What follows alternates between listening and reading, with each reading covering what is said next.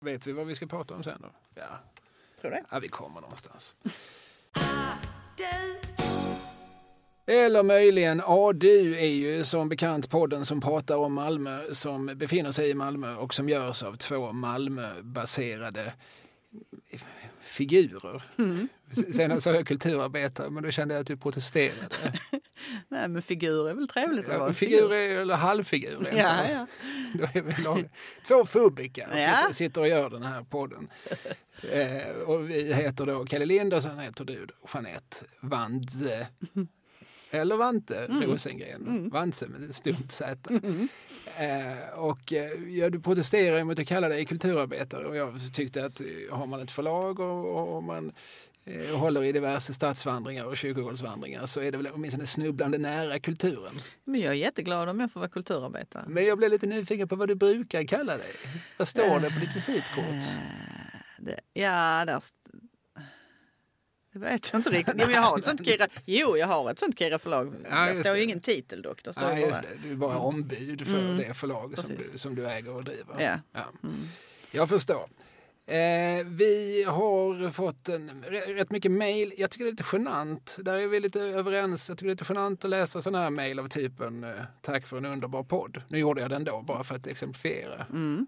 Eh, vi, vi tackar så hemskt mycket för eh, vänliga ord från alla möjliga håll. Ja, det gör mycket glädje, skriver Pia Landgren. Nu, nu, nu blev det att jag råkar citera den då, fast jag men tycker det- det är lite... Men det är ändå väldigt kärt ju. Ja, men det är oerhört vänliga mejl, det vill jag verkligen understryka. Eh, Vi blir eh, tacksamma för alla glada tillrop och eh, vi blir också såklart glada för all form av input. Det är många människor som kommer med förslag på saker som vi kan prata om och även folk som eh, kommer med kanske små rättelser eller med små inpass apropå saker vi pratat om. Per F.T. Nilsson har sent om sidor upptäckt ADU efter att under ett par år, nej men nu blev det någonting, nu var det någonting positivt där, det tar vi bort. ja, det var någonting, ja, det var snedtänkt, så någon annan podd jag gör så. Men det, jag tycker det här var en fin formulering. Jag kan bara konstatera att folkbildningens fana hålls högt även i det här sammanhanget. Så please keep up the good work. Ja, vad kärt. Ja. Tack för det. Eh, sen tycker eh, Per att vi ska prata lite om eh, Malmös eh, rockscener. Eh, KB. Kanske då just det gamla KB. Och det kan vi väl hinta om att vi tänkte göra nästa gång. Mm, Bra idé. Absolut. Mm. Mm. Så att då vi sparar Pers inspel till dess. Har du också med dig ett mejl? Ja, men jag, precis. Jag, vi har fått ett mejl här ifrån eh, Lasse Roth i Frankrike. Jaså? Lasse Roth i Frankrike? Ja, precis. Hur hittar man till honom? Ja, men kör till Frankrike och fråga efter Lasse Roth. Ja, det kan inte vara så många som heter det där, tänker jag. Nej, visserligen, men Frankrike är ju hyfsat stort. Nåväl. Men eh, han och hans hustru sitter där och eh, ja, de sitter och sitter. De jobbar säkert med allt möjligt. Eh, men eh, de, i alla fall så lyssnas det på ADU och eftersom vi för ett par avsnitt sen pratade om kvarteren kring Karoli Mm. Så tänkte jag flika in en liten ögonblicksbild ur Lasses mejl. Han berättar eh, liksom om sin barndom i det här då där han, eh, där han ofta var och hälsade på sin mormor som bodde i Kattsundsgatan. Som ju ligger precis vid en av entréerna till dagens Carol City. Just det. Och den här barndomen är alltså pre-rivningarna? Det är pre-rivningarna, pre-nybyggarna. precis för att Lasse är född, ja, jag gissar i slutet på 40-talet. va? Mm. Eh, Men i alla fall, det är en, det är en eh, väldigt eh, intressant kria det här, men en kort lite rolig passus. Då berättar han om, han går till sin mormor och mormor Alma jobbade på yllefabriken. Mormor Alma gick under vedernamnet Alma Snuda. Detta på grund av att hon hade en näsa som skulle ha fått W.C. Fields att bli röd av avund. Ja, Ser du det framför dig? Ja, Jag ser att eh, jag ser nummer ett W.C. Fields, den gamle stumfilmsaktören som alltid spelar fyllo i sina filmer och Mm. som också hade en, en ståtlig kran. Ett imponerande snushorn Ja, det får man säga. som ett eh, stoppljus eller som en clownnäsa faktiskt. Ja. Eh, Ja, okej. Ja. Alma Snuda Alma s- Snuda. slog alltså eh, W.C. Fields på fingrarna. Precis. Och sen, hon hade också en annan egenhet. Hon hade en gång när hon stoppat strumpor råkat missa och stoppenålen for in i tummen. Ytligt lade den sig till rätta under huden, inte det minsta stack ut. Sådana bagateller bekymrade inte den gamla stammen. Den fick sitta där den satt och hon gick i graven med den. Och jag frågade varför hon inte tog ut den och fick svaret att den satt bra där den satt. Den var ju till inget hinder. Men vadå, hon gick alltså runt med en strumpsticka intryckt i tummen? En stoppenål. Den är något mindre än en strumpsticka. Men... Ja, ja okej, okay, ja. uh, okay, en stoppnål Ja. något, något tjockare än en synål. Ja. Den hade hon inkörd där. ja, den råkade väl hamna när hon satt där och for, så for den in Ja, nej, under men så skinnet. långt är jag med. Ja. Och sen så finns det ingenting som sticker ut. Nej. Så därför så, så får man inte grepp om den. Så då sitter den bra där den sitter. Ja. hon vet ju var hon har den i alla fall. Hon skulle behöva ta fram den. Ja, men uppenbarligen gjorde hon inte det. Så Nej. hon måste ju haft några nålar till. Ja, antagligen. Hade det varit hennes enda stoppnål så hade hon kanske varit snabbare på att dra ut den. Ja, precis. Men, men det säger någonting också om människorna i, i kvarteren kring Carola. Liksom där hårdhudade och eh, ja, Ja, ja, när den sitter bra där den praktiska. sitter. Liksom, ja, pragmatiska. Ja, Den, eh, så, ja, nej, men vi tackar såklart för denna, Mm. denna minnesbild om Alma Snuda. Mm. Jag känner att jag hade velat lära känna henne. Ja. Eh. Vi hade säkert kommit väl överens. Vad ska vi prata om idag? Jag, jag tänker mig en rubrik typ Där vi gick på teatern. ja, det är fantastiskt. För det vet ju alla att i Malmö så finns det inget E. Det är roligt så här, liksom, vi, vi har pratat det här liksom diftongrika eh, språket. Men när det för en gångs skull är två vokaler efter varandra, som i teater, nej då ska vi baska med, då plötsligt Mm. så, blir, så ska vi, då, ja, det är teatern. Mm. Teatern heter det. Jag har gjort en iakttagelse, jag sänder ju en del radio ihop med Susanna Damic Mm. som är, i likhet med dig är born och raised i den här stan och Mm. väldigt präglad på den. Men, men jag inbillar mig, eller min tes så, som hon inte riktigt eh, hon vill ju säga emot mig, för det vill hon alltid. Men hon har inte kommit med några goda motargument. Men att hon överkompenserar sina diftonger. Mhm. Så i sådana ord som faktiskt har diftong, som mail Mm. eller date, Mm. då säger hon plötsligt mel och det. Jaha, Att det är någon sorts... okej. Och på samma vis då så säger. Ja. så säger man i Malmö gärna teatern. Ja. Vad ska vi göra ikväll? Ja, vi ska gå på teatern. ja. De visar. Länets land. Ja. Ja. Länets land. Ja, som, Ja, som de visade en gång i tiden. kanske spelperioden 55-56. då. Det är Bergman-tiden i alla fall. Ja, precis. Ja, Eh, Länets land av Frans Lear, annars Mm. mest känd för Glada änkan. Mm. Eh, där Olav Gertel gjorde en, en stor eh, insats. Jag har Olav Gertel lite top of mind för att jag Mm. hade hans förtjusande dotter Susanne Gertel, där du sitter. Mm. För att prata om hennes far till en annan podd Mm. som, kommer till din poddspelare inom en eh, framtid. Spännande. Hon har skrivit en bok om honom också. Ja, precis. Mm. Som, eh, ja, Olav Gertel var, det berättade jag för henne, men jag satt ju med i den här lilla juryn som tog fram skorna till David Hallsbron. Mm. Den andra klatten. Då. Planen är att det ska liksom fyllas på med nya med en viss regelbundenhet. Mm. Och inför den andra omgången så, eh, så gick man också ut till befolkningen. Mm. Det gjorde man nog första gången också, men då var inte jag insatt. Vilka skor vill ni ha på bron? Mm. Och förutom då alla människor som skulle, ja Bosse, vi vill ha Bosse-skor. Ja, Ja.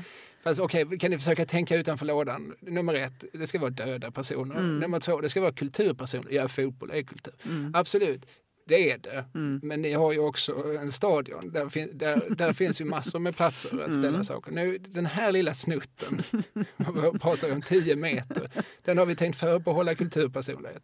Ja, ja. ja men ta Anita Ekberg då. Mm. Så Anita Ekberg fick ju absolut flest röster. Jag tror 75 procent av dem kom från Lars Hector. Svenkrets. Ja. Nej, Lars Hector Eller? personligen. Jaha, ja, ja, ja. Han, han, han brevbombade kan vi säga. Ah, Eh, juryn. Lars Hector, eh, Mm. en fantastisk man, eh, klubbägare, restaurangdrivare och Mm. eh, god vän med Anita.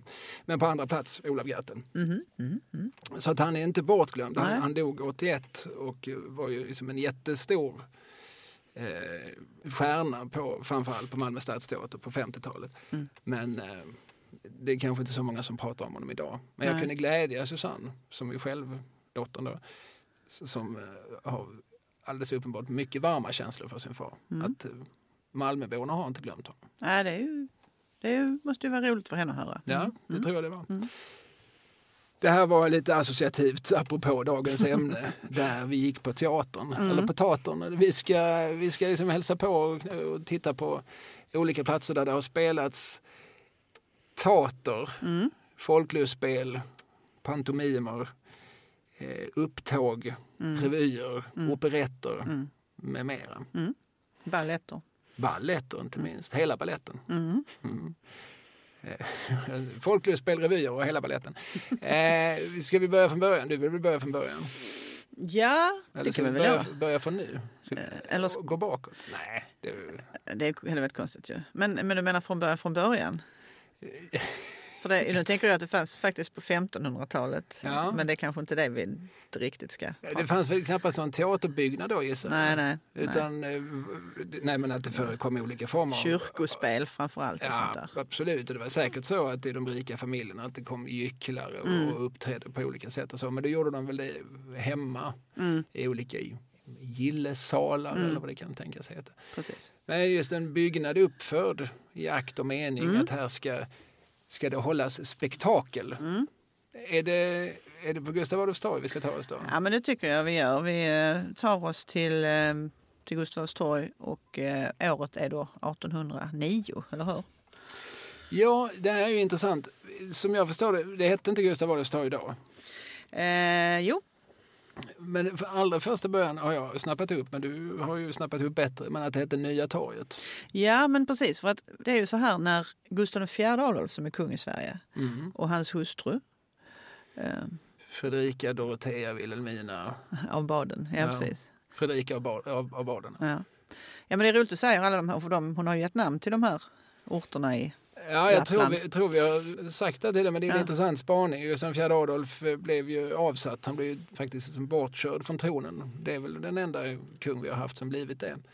Eh, och då rensar man. Man Mm. tog bort eh, liksom, porträtt av honom Mm. hängdes ju, om de inte brändes så hängdes de i de dunklaste vrårna i källaren. Så, framförallt senare. Det var ju först hans farbror då, Karl XIII som tog över men sen, sen kom ju då från Frankrike Jean Baptiste Bernadotte, Mm. Karl XIV Johan. Och han var ju liksom livrädd för det gustavianska Mm.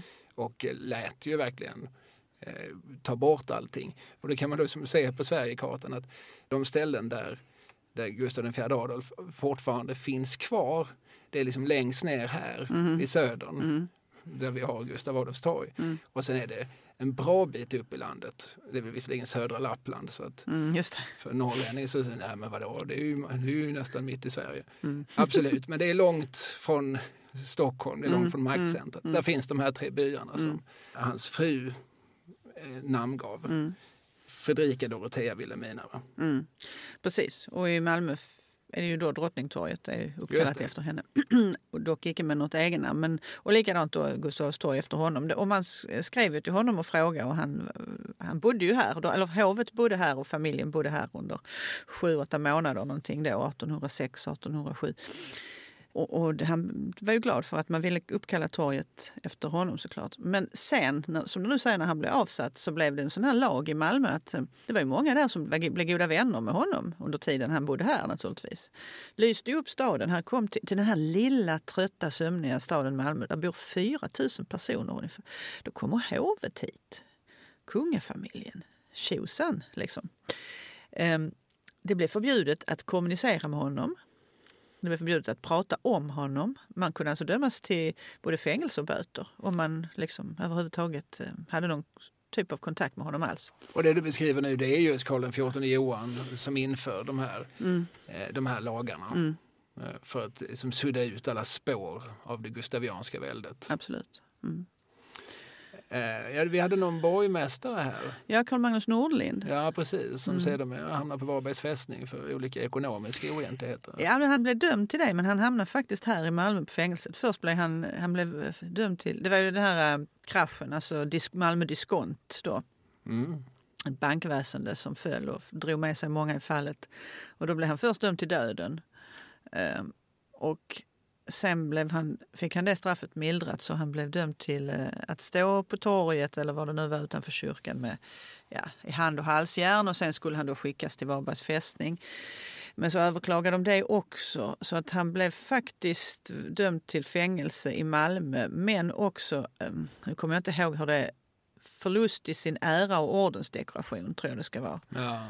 Alltså, det var nog, sved nog rätt rejält det där sista. Det var diverse sk- skamstraff. Och varför pratar vi om det här? Jo, men det här har ju med den här teatern att göra. Mm. Som uppförs 1809. Ja, och precis. Och när den invigs, det är ju en hovarkitekt där som heter Anders Sundström som, eh, som gör detta, ritar det här. Och när den står klar och invigs, då är ju inte kungen liksom, då är han, sitter han på Gripsholms slott och är i husarrest. Så Mm. han finns ju inte här och kan inviga den, vilket man ju hade tänkt sig i Malmö såklart. Och huset står väl kvar? Va? Mm. Utandömet är ju... Man ser ju högst upp på, på, på väggen där så ser man lyran i fasaden. Och, Vi pratar alltså om, om eh, det huset, om vi nu är på Gustav Adolfs torg och vi har, eh, vad blir det för väderstreck? Det blir österut va? um, ja, precis, österut, ja. Där. Eh, BK-huset. Ja precis. BK finns inte kvar där va? H&M säger man ju nu för tiden. Men jag är den generationen. Ja okej, när du sa BK så tänkte jag Burger King. ja, ja. Och Det Burger är, King ligger ju i huset bredvid, men det är på samma sida. Eh, tänker kläd, Beklädnadskompaniet. Ja, såklart, såklart. Eh, det är i alla fall det huset. Om man ställer sig och tittar upp på fasaden så kan man alltså se de här ursprungliga dekorationerna och Mm. faktiskt eh, spår efter det teaterhus det en gång var. Mm. Och eh, det är väl också så här då va, att eh, Gustav IV Adolf, son till Gustav III, han har låtit om han har låtit riva operan i Stockholm. Ja, ja, ja, där dödades ju hans pappa. Precis, Ja. Mm. och av det skälet så vill han inte ha kvar den här institutionen. Nej, Ta bort huset och eh, avskeda eh, personalen. Och en del av den personalen letar sig då hit ner Mm. och blir eh, liksom direktionen för det nybyggda, nyinvigda som har fått de konungsliga privilegierna. Mm. För det var någonting man behövde ha Precis. för att fördriva teaterverksamhet. Kungliga privilegierade teatern i Malmö Mm. eh, kom alltså att bestå av delar av den utsparkade operabaletten med de två ballettcheferna Brulo och Ambrosiani Ja, eh, som, eh, som ledare. Låter som att de har italienskt eh, påbrå. Ja, det, har de nog. Eller att de åtminstone ville låta påskina att de hade det. Båda togs emot med begeistring, läser jag. Såväl de bruloska pantomimerna som de ambrosianiska balettsprången var något man med beundran länge talade om i Malmö. Där läser jag en text av Jan Richter, Mm. journalist eh, och eh, diversarbetare i kulturbranschen Mm. Mm. under 60-70-talen och framåt Mm. och innan och säkert. Och, ja, men han har ju påbrå också. Hans far Henry Richter skrev väl mycket åt Edvard Persson. Just det, just det. Eh, han har skrivit en text om detta ursprungliga, den här ursprungliga teaterbyggnaden. Eh, vad, vad ska vi säga mer om den? då? 16 oktober 1809 kan jag säga. Att Ja, invigningen. Och det var, det var liksom eh, 500 personer ungefär som fick plats eh, i salongen. Det tycker jag är rätt kul ändå om man Det är tänker ju på en att... åttondel av stan. Ja, ja, precis. Va? Och vi kan också se, i och med detta då, så kan man ju tänka, då kan man inte spela en pjäs så himla länge. För att på åtta dagar så har ju, så har ju alla sett den. Så, att- så att eh, komedier och pantomimer avlöser varandra i rask takt. Just det. Eh, redan dagen efter invigningen stod en ny komedi på repertoaren eh, som heter Strumpstickorna medan invigningsprologen från dagen innan gavs i repris. Men sen så kan vi då, två dagar senare, komedin Konstmakaren den första kombinerad med pantomimen Den skalkaktiga bondflickan. Mhm. Eh, några dagar senare sångspelet Claudine, Claudin och Skoputsaren plus pantomimen Den svarta skogen. Tre dagar senare sånglustspelet Kanunikus i Majland samt balletten De bägge kväkarna. Man vill se de här. 29 oktober, eh, alltså fyra dagar senare, sångspelet Tanddoktorn och balletten Temir och Tarzan. 31 oktober, ytterligare två dagar senare, komedin Den förklädda enfaldigheten Och då dessutom pantomimen Den skalkaktiga bondflickan i repris. Mm. Eh, så det är raskt marscherat här. Mm.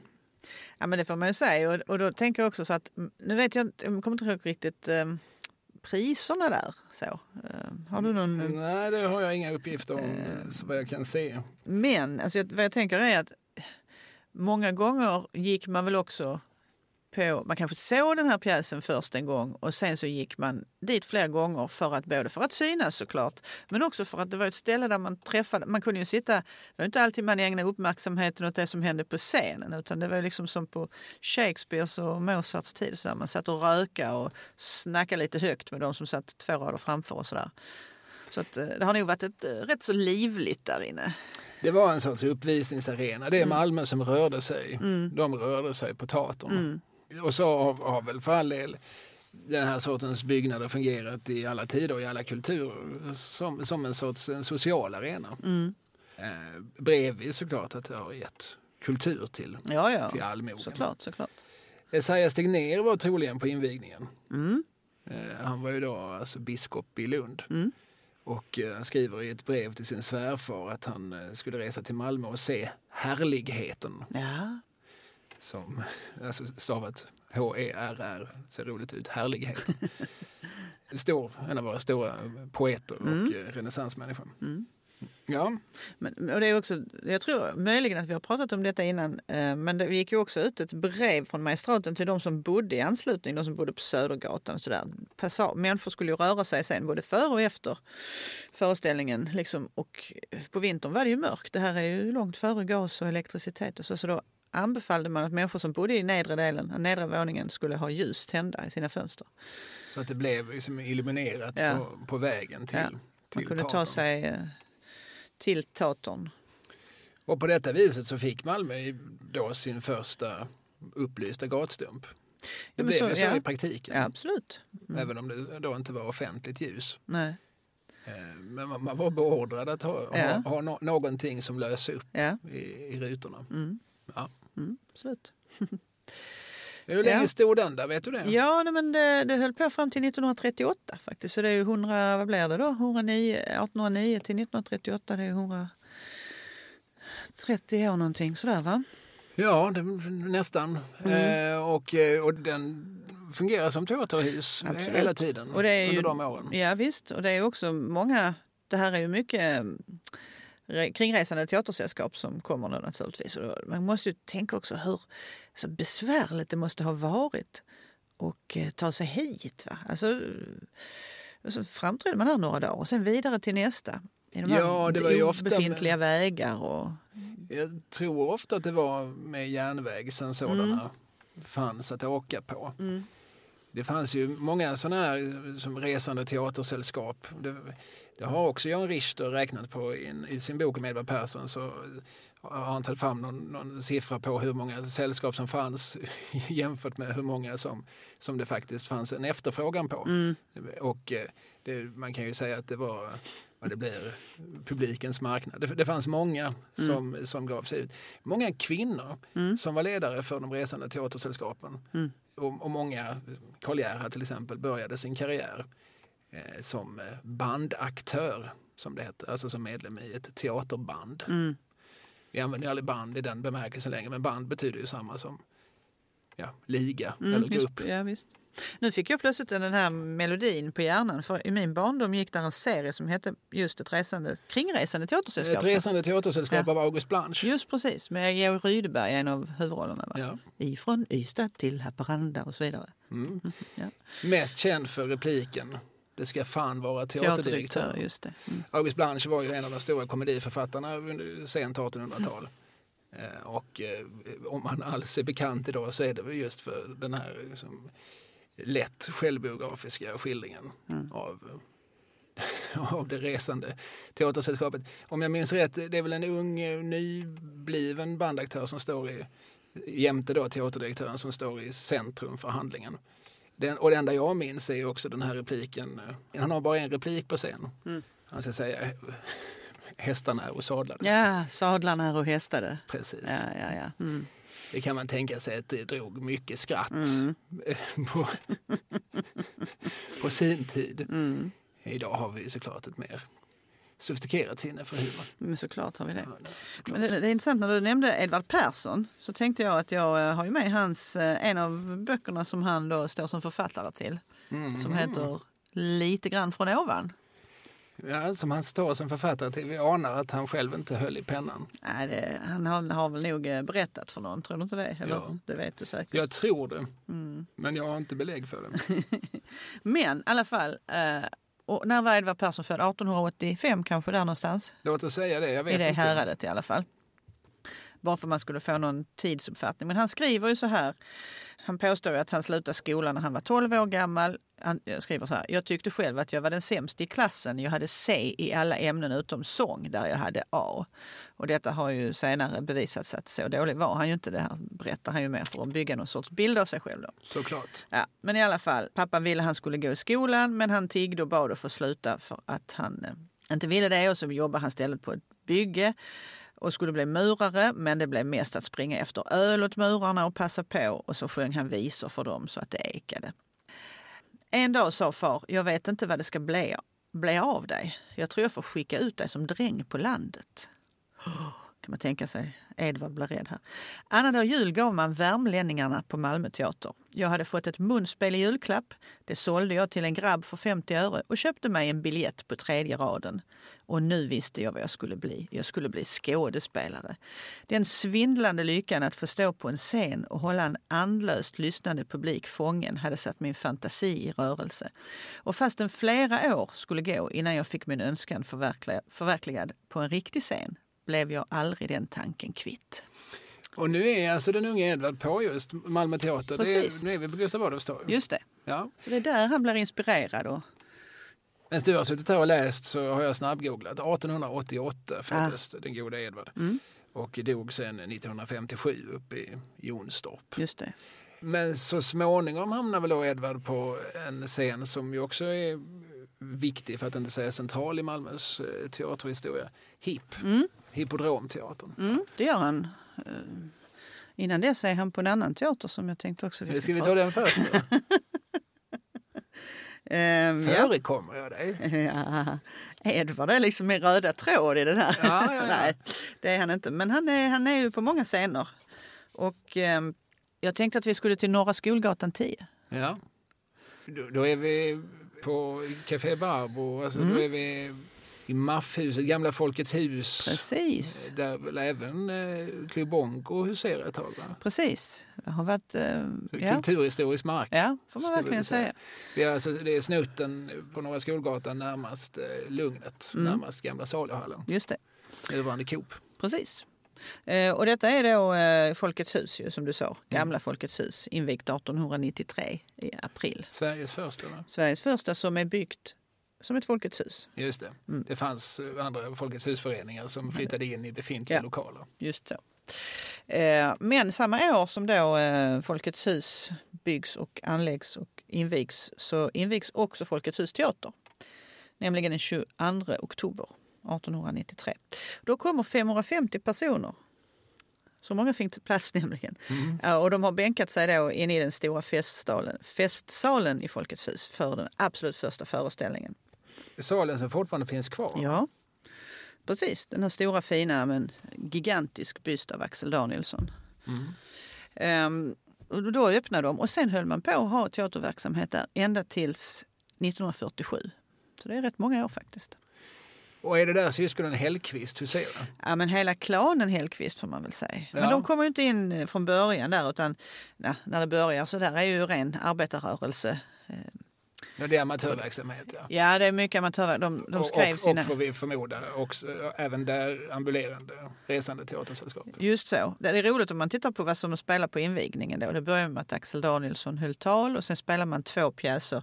Den ena, det var en lokal eh, kille som hette August Lindahl som hade skrivit det här. Han var också stuckatör.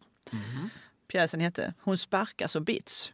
Ett lustspel med sång i en akt. Ja, ja det, jag hade velat se det. Ja, jag med. Och den andra pjäsen, det var något skojigt som var översatt från franska som hette Bums i kurran. Det hade jag också velat se. Mm. Otroligt bra titlar. Och det kostade 35 öre denna dag. Men man kan ju säga så här att arbetarrörelsen, de var ju faktiskt redan på 1860-talet så hade de olika teatersällskap. Alltså dramatiska teatersällskap på olika platser i stan där man hyrde in sig. Och 1889 öppnade de något som hette Malmö arbetarteater i, på Lugnet i Majorsgatan. Då. Eh, men då spelade man pjäser som hade politiska inslag. Alltså det handlade om en, en strejkbrytare som kom i fängelse, en familj som inte kunde betala hyran. Alltså rätt så allvarliga och aktuella teman. Nästan som små debattinlägg i, Mm. i, i tiden. Så var det ju absolut. Och då slutar ju med att det var ju också en väldigt rolig grej det här. Något som bygger på aktuella händelser, inte minst 1890 när RF Berg, alltså cementkungen. Limhamnskungen. Ja, precis. Han eh, utlöste en lockout ju, och då blev det 500 arbetare som plötsligt inte hade någonstans att gå till jobbet. Han var ju då chef på Skånska Cement. Då skrev en typograf på tidningen Arbetet som hette Nils Wessel, han skrev en pjäs som hette Cementhjärtat som man då spelar. Väldigt aktuell ju, får man säga. Mm, mm. Det här är innan Twitter. Det, Men principen är lite grann densamma. Ja. Man, man kommer med någon form av inlägg. ja. Och man vill göra det publikt, man Ja. vill göra det tydligt, man vill åskådliggöra någonting. Och man vill inte minst på något vis som gjuta mod i massorna. Mm. Ja, men så var det ju absolut. Men sen så eh, tröttnar många av de här arbetarna för att jag menar den, den timmen i veckan när de är lediga och inte behöver hugga sten, då ville de kanske ha något lättsamt och bli underhållna och kanske få skratta. Så de ville ha liksom, man, man ändrar lite på repertoaren så att det kom in lite mer annat än, än det som bara handlar om kapitalismens tyranneri. Liksom. Ja. Mm. Nytta och nöje. Mm, mm. Och sen blev det opera och sen blev det operett. Då kallade man det för Operan på Skolgatan faktiskt. Som spelades där. Och lite lättare, ja, allt från Charlies tant till Solar över tiden. Ja, vi förutsätter att våra lyssnare vet vad vi pratar om. Charlies tant, en klassisk engelsk fars om en man som tvingas klä ut sig till kvinna och gillar det. Mm. Eh, Ja, ja, men förlagan är i ganska hög grad till både eh, Hasse Ekmans Framför lilla Märta och eh, Billy Wilders I hetaste laget. Mm, mm. Eller en, en tydlig inspirationskälla. Och det är inte så hemskt många år sedan den spelade senast här i Sverige med Claes Malmberg som, Mm, nej, som just det. Charlie. Precis. Så Mm. det, har- det är en all time classic som ju, ja, den, är, den hade jag velat eh, fördjupa mig vid tillfälle för att den har liksom i olika tider har ju det här liksom queera temat som Mm. onekligen finns där. Liksom setts med olika ögon. Mm. Men det behöver vi inte fördjupa oss här och nu. Nej, för att nu tänkte jag att du ska, jag ska, se om du, jag ska testa dig nu och se om du skrattar. Ja. För att nu börjar man spela på Folkets Hus Teater folklustspel. Mm. Och nu är alltså slutet på 1800-talet, 1896. Då var det ju ett skådespel som heter Värmlänningarna som spelades mycket på alla scener i hela Sverige. Jag tror det är Sveriges mest spelade pjäs. Mm. Och då gör man i Malmö något som man kallar då för Skåningarna istället. Ju. En liten blinkning. August Nilsson i Kabbarp heter författaren. Och då är det två huvudpersoner här, Per och Karma. Erik och Anna heter de Ja, i originalet. Ja, visst, visst. En, liten, en liten snutt ur en dialog kan låta så här. Per säger då. Hör du Karna, du kunde gärna ge mig en moss. Det betyder alltså kyss på den tiden. Varpå Karna svarar. Mossas med dig, tvi för den lee. Ja, jag skrattar redan lite. Per säger då. Härför kan du inte kyssa mig lika så väl som slajtarens Hågen. Kanske han hade hetat Håkan i modern tid eller så. Ja. Ja. Varpå Karna svarar. Jo, det ska jag se dig. Hågen har inte en sån hundans rälig och mång som du. Mm. Per, det är ju Hågen säl som har bjudit mig på snusen som jag suar på. Karna, du står där inte ändå. Ser du Hågen, han kan sjunga såna granna visor och så är han inte som du ifrån Abylabjära, om det nu uttalas rätt. Ja. Och Per svarar på Jag detta. sitter här och trivs vill jag bara skjuta in. Per svarar på detta. Det är då gryveligt så ont du har att abylabjära. Lea som inte skulle böjden kunde väl lea så bra som slätten. Jag ska säga dig att jag kan också sjunga en visa. Då är det en som jag säl har dejtat. Diktat ska det betyda. Ja. Vad tyckte du? Jag tyckte, så här, no offense, men jag tror att det har framförts eh, med, med, lite mer inlevelse. Jag tror det, av folk som också behärskat dialekten. Men, men, ja, men det här är väl klassiskt just liksom att, att han står där och är, och är lite snusig och dan. Och, mm. och, eh, och det finns någon slags rivalitet där liksom unga eh, pigan då spelar ut olika eh, vad heter det, sådana här uppvaktande karrar mot varann. Mm. Och sen är det roligt att, att han står och syttar på snuset. Mm. Ja. Jo. Ja, ja nej, men det, det, här drar, inte... det här drar ju enorma... Folk tycker det här är fantastiskt roligt. Ja, men jag kan förstå det. Mm. Alltså, vad de ser är ju några som är lite, lite bonnigare än mm, de själva. Precis. De känner igen dem, för de påminner lite grann om, om grannpågen hemma vid. Ja. Och konstigt nog så har alla en sån grannpåg hemma vid och ingen reflekterar över att den grannen kanske ser på mig på det viset. Precis. Så som humor har funkat i alla tider på något sätt. Ja men så är det ju. Och, och det här eh, Anders Hellqvist, som, du nämnde ju familjen Hellqvist. Anders Hellqvist och Viktor Hallin tar över den här teatern nu 1914 och nu blir det liksom en helt ny epok. Det är nu det blir farser, nyårsrevyer och allt det här skojiga som Malmöborna vallfärdar till. Och redan första året, eller 1915 då, andra året, så, så blir det en dundersuccé när det kommer en, eh, på nyårsrevyn där. Då får Malmöborna eh, möta en låt som heter Utställningsvisan. Mm. Som också kallas för Baltirullan. Ja, och Baltirullan, hej Baltifluan, hej. Är det den här sången, min kamrat eh, Christer Jonsson, han har ju ett program som heter 100 års hits. Mm. Eh, det började han med 2014 och han letat upp den här visan mm. från 1914. Mm. Eh, som alltså nog också sjöngs på invigningen. Eller åtminstone i någon form av festlighet i samband med Baltiska utställningen 1914. Ja, alltså det är en bondkomiker som heter Oskar Svanlund som har skrivit, det är ju en känd melodi, det är Lincolnvisan. Baldifluan, tjong, fille, ball, ball, och så vidare.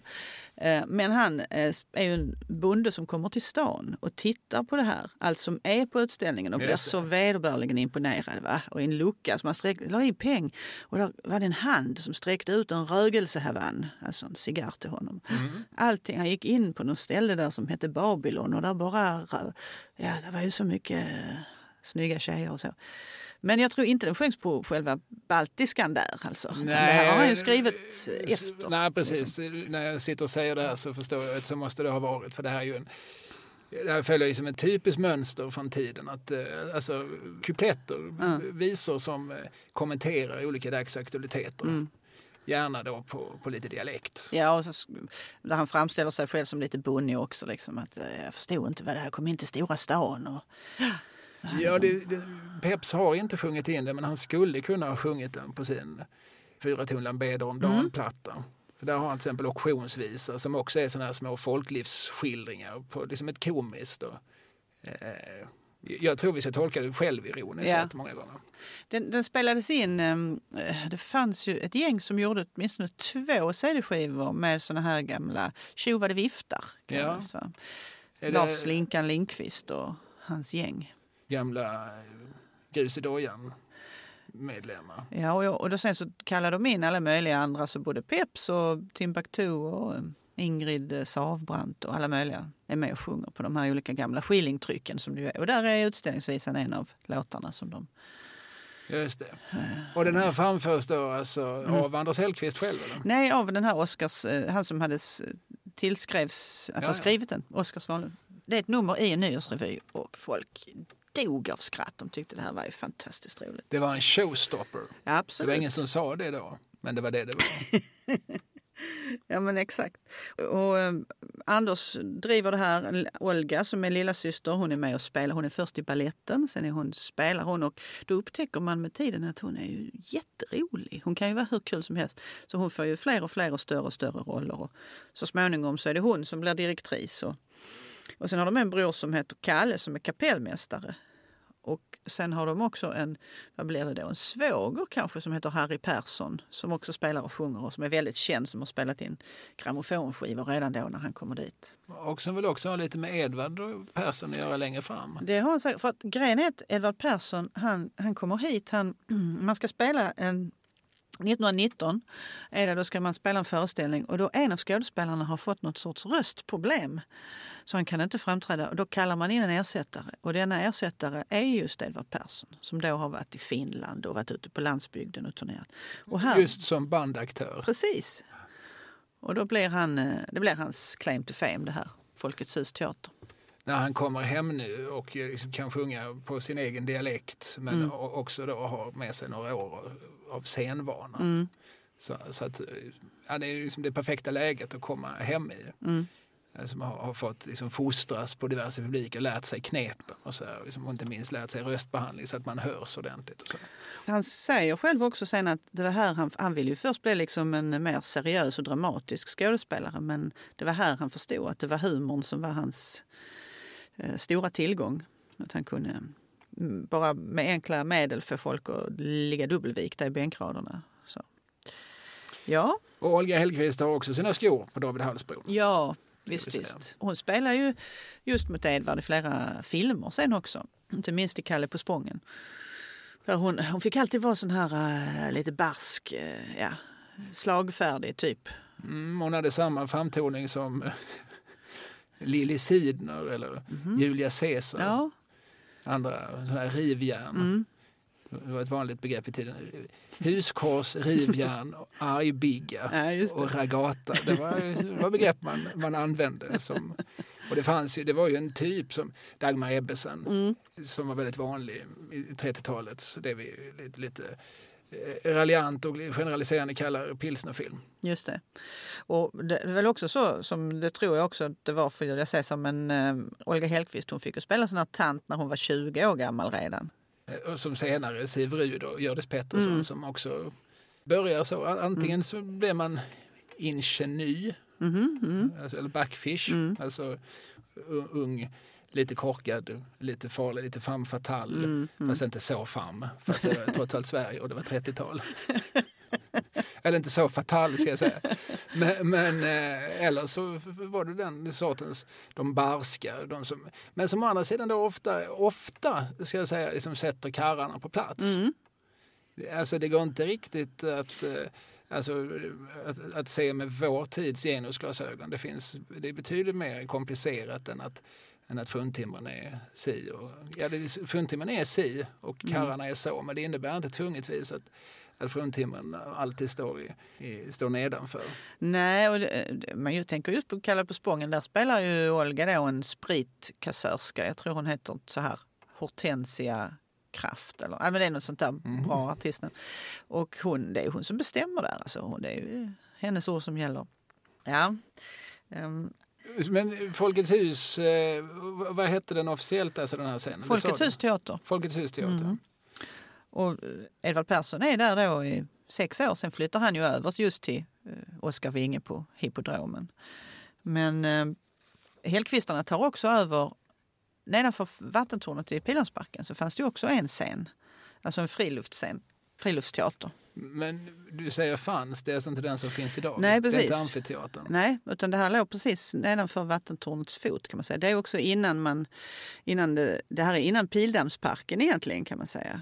Pildammsparken är ju först på början på 20-talet som den började anläggas. Så att eh, Pildammsvägen fanns ju inte så som den ser ut idag utan här var ett koloniområde där för övrigt familjen Hellqvist hade någon sorts koloni med lite, där de odlade lite och hade lite husdjur och sådär. Vet vi vad de hade för husdjur? Eh, Ja men de hade någon get, de hade Get. höns och så. Och, Vad odlar de? Vet vi det? nej, Kasse? Men det är ju där eh, Olgas café. Alltså det är hon som, Chess Olga? mm, precis, Bloom in the Park. Hon var ju ibland också iväg faktiskt eh, utanför Skåne och spelade på andra teatrar. Men hon måste ju ha spelat Liksom då, på somrarna spelar man på Friluftsteatern, på vintrarna spelar man på Folkets husteater. Hon drev så småningom hela den här verksamheten själv med allt vad det innebär. Och så tänker hon, på min lilla fritid jag har, ja men jag öppnar ett café. Mm. Det måste man göra. Ett födgeni. Ja. Eh, För dit kom ju, på Friluftsteatern kom ju alla människor och, och titta på teatern och då måste de ju kunna få någonting att äta och dricka en kopp te och så vidare. Det är många skådespelare och andra sorters taskspelare som har förstått det där att själva kulturen är det svårt att få bäring i men om man serverar någonting vid sidan av Mm. så kanske det här faktiskt kan gå nästan med vinst. Mm. Och det är så, så resonerade hon så att, eh, ja. Och vi nämnde Hippodramteatern. Ska vi ta oss dit? Ja, men det gör vi. Eh, Det var dit jag var på väg redan innan. Eh, Hippodramteatern, jag vet inte hur mycket vi har pratat om den innan men, men det är ju en intressant scen för att den i olika tider i Malmös 1900-tal så har den fyllt lite olika funktion. Mm. Men varit eh, ett hjärta på väldigt olika sätt. Alltså tidigt 1900-tal, när invigs den som teater? Alltså från början är det väl en hippodrom? just? Mm, precis, det är 1898. Så eh, det är fem killar med mycket pengar och idéer som går ihop och bildar det här aktiebolaget, eh, Hippodromen. Mm. Och så kallar de på Theodor Wåhlin som bland annat är domkyrkoarkitekt för han ritade det här palatset. Och det går jättesnabbt, det tar bara ett och ett halvt år så står det klart och sen är det invigning. Men då är det ju en cirkusbyggnad. Mm. Det är så man har tänkt. Det här ska, cirkus var ju finkultur då. Det ska man också ha i minnet. Så att eh, 1899 invigs det då och sen så är det cirkus eh, ända fram till faktiskt, nu ska vi se så jag inte ljuger, man börjar spela teater en bit in på 1900-talet för att liksom komplettera. Men, eh, men man tog inte bort cirkusen helt förrän, nu ska vi se om jag har det här i någon, ja men det är väl 22 faktiskt, när, man, när det är liksom Oskar Winge tar över som det är uttalat. Nu är det bara teater från och med nu. Liksom. Det är så pass sent som 22 som Mm. den, den eh, store i alla bemärkelser, Oskar Winge, kliver in på scenen. Mm. Och han eh, är väl en sån här dynamisk, som det brukar heta, det brukar vara- en eufemism för på olika vis eh, jobbig Störd. ja, eh, chef Mm. som, eh, som piskar sin ensemble att göra ja, göra underverk höll jag på att säga, men på 20-talet är det ju liksom, efter vad jag förstår liksom fantastiska succéer Mm. Som spelas. Det är bland annat den här revyn då som väl heter Med rullebör och tollabössa. Ja, just det. Eller är det med tollabössa och rullebör? Ja, jag tror det var det första var rätt om jag inte minns fel. Som kanske är nyårsrevyn 1926. Mm. Jag bara skjuter från höften lite här nu. Mm. Det- Det är sånt man hade kunnat kolla innan, men det tycker Mm. jag är lite fusk. men där är väl Edvard med. Ja, precis. Och Mm. eh, jag undrar om det inte är den som han träffar Mim. Eller är det något senare? Mim som eh, så småningom hade det blandade nöjet att gifta sig med Edvard.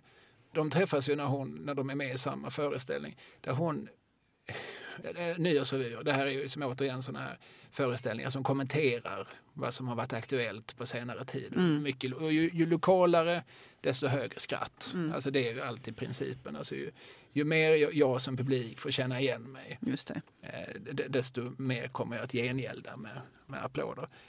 Och det har invigts en ny staty, lite kontroversiell staty av en naken dam någonstans i Malmö. Vilken staty kan det vara? Eh, är du på året 26? Det är på sent 20-tal. Ja, Då tänker jag på Axel Ebbes Solrosen kanske utanför kas nuvarande kasinot. Eller? Det låter inte fullt rimligt. Eh, är det en naken dam? Ja, hon står med händerna upp så Ja. här mot... Mm. Den här statyn Mm. gestaltade min person i den här revyn. Ja, eh, i, I bara mässingen. Ja, ja, ja. Är inte det oerhört vågat då på den tiden? Jo, jo, jo, jo. Och Edvard blev... Förälskad. Ja. Ja. Mm. Och på den vägen var det. För, var han inte gift då med... Hette hon inte Ellen Rosengren? kan hon ha gjort. Det Ja. klingar bekant. Mm. Jo, nej, det var säkert en skandal på många sätt och Mm. många vis. Mm. Och min var väl eh, ett par år yngre i alla fall. Okej. Mm. Eh, och, sen, eh, men, och sen så är de väl gifta så länge Edvard lever. Fram till Just det, ja. Mm. 57. Mm. Mm. Och det var, alltså, han, han var säkert inte elak på det viset men han var väl ett stort barn. Mm. Och en, en krävande människa som känd för repliken Allt ljus på mig. Mm, Just det. Ännu, ännu bättre replik är ju den som någon av hans motspelare sa vid något tillfälle. Sminka mig i nacken jag ska spela mot Edvard. Ja, ja. Jo, men man förstår lite grann. Men han, sen hade han väl också möjligheten att kunna säga det. För nog var han den... Eh, hans filmer, de gick ju... Det var väl de mest, han är väl den liksom mest spelade fortfarande, är det inte så? Ja, det är svårt att jämföra helt och hållet, men han var ju liksom eh, stor på ett sätt som är svårt att föreställa sig idag. Alltså i en tid också, då får man ju liksom ta in i beräkningen att det finns inget Netflix Nej. och det finns inget Facebook. Nej. Det finns inte så mycket som konkurrerar. Nej. Men eh, Kalle på Spången går ju i som i ett par års tid. Mm. Och inte minst i Danmark då. Där, där finns ju den här gamla anekdoten som vi säkert har traderat här tidigare. Att den tyska ockupationsmakten har liksom sagt till att när den film som går just nu, när den har spelat färdigt, när publikintresset har börjat tryta, då ska vi sätta in våra filmer. Ja, då går danskarna och tittar på det här. Då går danskarna man ur huset. Så att Kalle på Spången spelas på, alltså, på alla liksom, premiärbiografer i hela Danmark och Mm. på de flesta biografer i Köpenhamn Mm. eh, i ett och ett halvt års tid. Eller så. Alltså, och det är sju och nio föreställningar varje kväll. Och så. Eh, så det, det bidrar väl också då. Mm. Men Edvard var ju stor på ett sätt som, som är svårt att, att helt ta in. Även om jag tycker att hans filmer absolut, jag kan se vad han hade. Mm. Eh, han hade ju en sorts eh, en- pondus och han, även om han är dryg? Mm. det bygger mycket på att, på att Edvard vet bäst. Ja. Eh, Låt dem där ute hålla på och bråka och sånt så sitter vi här, här och äter lite gås Mhm. och, och beter oss som folk.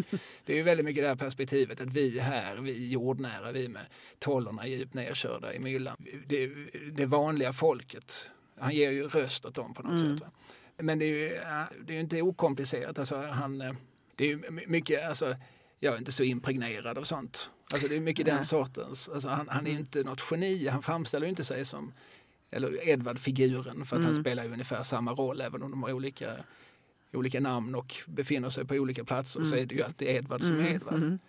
Eh, Själva figuren är ju inte, honom skrattar vi både med och åt så att säga. Mm. Men han är ändå alltid vår hjälte på något sätt. För han är ändå alltid good guy när någon vill sätta åt honom. Eller det visar sig ändå på slutet att han, han är en hederlig typ. Liksom. Ja det är han ju och han eh, förstår också att, se, att eh, det kan finnas goda människor även, i, även om de är lite svartmuskiga Mm. och eh, ja, även om de oftast, oftast inte. Men, kan, nej, men han, han har ju någon sorts eh, moralisk kompass, Mm. eh, Edvard-figuren. Mm. Att, han, han, kan se vad som är gott och inte. Och gott är oftast folk från landet som inte är rädda att hugga i. Nej, Och är ofta sådana där som figur, stabor Mm. som kommer och eh, vill liksom dra nytta av andras arbete. Mm. Hala, slämma typer. Och så. Just det. Mm. Eh, men, men, men det är, återigen vill jag säga att det är inte, det är inte alldeles okomplicerat. Nej. Man, kan, man, man kan inte avfärda det så som många har försökt göra. Med, med både Edvard och andra gamla folkspel sagt att det här är rakt av reaktionärt. Det finns ganska mycket nyanser. Mm. Man måste ju på något vis eh, ställa upp att problematisera och komplicera tycker jag. Mm. Han blev hur som helst eh, Hips stora stjärna under en period. Absolut är han det, verkligen. Och eh, där är också en kille som skriver mycket till HIP men inte gör det under sitt rätta namn som skriver till de här revyerna, bland annat till de som Edvard är med i, som heter Hjalmar Gullberg. Just det, han skriver åt Edvard och till Hipp, Ja. Skånska slott och herresäten, Just det. ihop med Bengt Hjelmqvist. Ja. Och himmelen vandrar solstjärnor och måne och sprider sitt klaraste ljus över Skåne. På höga, på låga, på stort och på smått. På statarens koja, på ädlingens slott. Fantastiskt. Och så är det väl 30 verser Ja, till. De, om olika det, är då inte alla skånska slott, men det är många av dem som Ja. Min favoritrim är och förblir eh, från Dammet och möget Ja. för hans kungliga höghet. Ja. Allt medan Simol plockar gräs och rastupp och rashöna på Trollenäs, är det inte där? Just det. Och- så det. De rimmar också familjen Trolle på att han spelar sin sang och sin nolle. Just det. Ja, det är skojigt det där. Och det, det, fanns, en rolig grej, jag brukar faktiskt berätta om det när jag är ute på Sankt Pauli Mellersta kyrkogård där Nils Ashkan ligger begravd. Där han skriver ju om det, i, eh, vilken är det, Toppe Laggård kanske? Att han, eh, Det kan alltså vara, Ashkan nämns absolut. ja. Jag tror det är en av de verserna som inte alltid spelas för att det här var ju en tid då stenkakornas utrymme var begränsat. Så man fick ta bort 25 verser eller så där till, till, skiv, till, till den mest spridda skivinsjungningen. Ja, men det är roligt därför att eh, där sjunger han ju om att eh, långt bort ifrån spriten, systemet och stan där lurar belåten fiskalen Ashkan. Och han var ju polismästare i Malmö men han blev så jäkla sur när han fick så liten tilldelning. För det var ransonering där med spriten. Så flyttade han då till Genarp tror jag det var där. Så fick han större ranson. Så kunde han representera bättre. Och detta skojar de då om i den här texten. Detta var allom bekant. Mm, tydligen.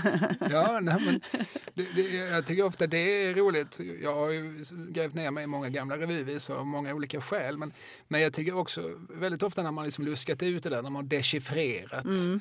kupletterna. Det kan vara Edvard Perssons, det kan vara Karl Gerhards, det kan vara så sena som Hasse och Tages 70-talskupletter som inte alltid är helt omedelbara idag. Så kan man ibland få den här liksom, aha-upplevelsen, okej okay, det måste vara detta det betydde. Mm. Ja, vad roligt att så många för man hör ju på skratten att, folk, att det är uppskattat, mm. att folk är med på referensen. Mm. Att många kände till det där, mm. att, det, att, det var, att det var bekant. Det var common knowledge liksom. Ja, ja precis. så får man ju också någon sorts inblick då i folkmedvetandet från tiden. Mm. Eh, ja. Men Edvard lämnar ju så småningom för att han eh, strävar ju uppåt och eh, får anbud från huvudstaden och sådär och blir ju som en riksföreteelse. Mm. Även om han hela tiden är som, i sina filmer och framförallt i sina största filmer är förankrad i, i Skåne. De flyttar ju honom medvetet från film till film. Alltså, han täcker in hela Skåne på något ja, sätt. Ja. En, en är han vid Skälderviken, en är han i Ystad och sådär. Mm. Och så är han ju söder om landsvägen, Skanör Falsterbo. Han är överallt. Mm, mm, men, men han, alltså, bilden av Skåne och bilden av Edvard byggs ju på något vis parallellt mm. tillsammans. Och han ska ju gärna fotograferas med en gås i famnen eller en gåsaflock på rad eller vid en pilevall. Och så. Alltså han, det är ju ett mycket medvetet imagebyggande mm. från, från Edvards håll och från Skånes håll om man så vill. Och så då från eh, Europafilmschefen Gustav Scheutz håll. Mm. Gustav Scheutz uh, har ju något dröm, för sitt håll då, ett drömkontrakt med Edvard. Att han ger honom i princip en månadslön. Och så kommer ju all vinst i familjen Scheutz fickor. Ja, det är dåligt avtal för Edvard. Ja, och samtidigt så får han ju massa anbud från andra håll men väljer att stanna. Mm. Eh, för att han någonstans på något sätt litar på... Han vet vad han har men inte vad han får. Nej, så nej, just det. Eh, men det är ju fler människor som gör sin debut mm. eller sin, sina första framträdanden hos Oscar Winge. För att han, om man då flyttar in där 22 som operett och revydirektör mm. så är det väl först 44, då lämnar han för då blir han lyrisk chef på den nybyggda Stadsteatern. Precis. Så i 22 års tid så har han sitt residens på Hippodromen. Mm. Och då debuterar ju också Nils Poppe. Va? Nils Poppe debuterar absolut. På Teatermuseet så har de ju Oskar Winges piano som ett skrivbord sådär som man kan fälla ut så det blir ett piano. Det är rätt så. Han hade det som båda delar. Och där har ju då eh, Nils Poppe sjungit upp när Oskar Winge själv satt och lirade en gång i tiden. Jag kommer du ihåg eh, den första recensionen Nils Poppe får när han står på hipscen? Nej. Eh, jag ska försöka citera den ungefär ur minnet. Mm. Den unge Nils Poppe debuterade. Han hade vita strumpor. Ah, det stod så. Mm. Det, var, det var det första omdöme han fick läsa om sig själv i tidningen. Um. Det var vad, som, vad, vad den kritikern tyckte att, att det fanns att säga. Han hade nog en ganska liten insats i, i den första föreställningen han medverkade i. Men han, jag tror att han, eh, han, han växer ju även på hipp, mm. som klättrar i, i graderna där. Han beger sig sen också till Stockholm och mm. det är ju där han blir stor. Mm. Och, för det blir han. Mm.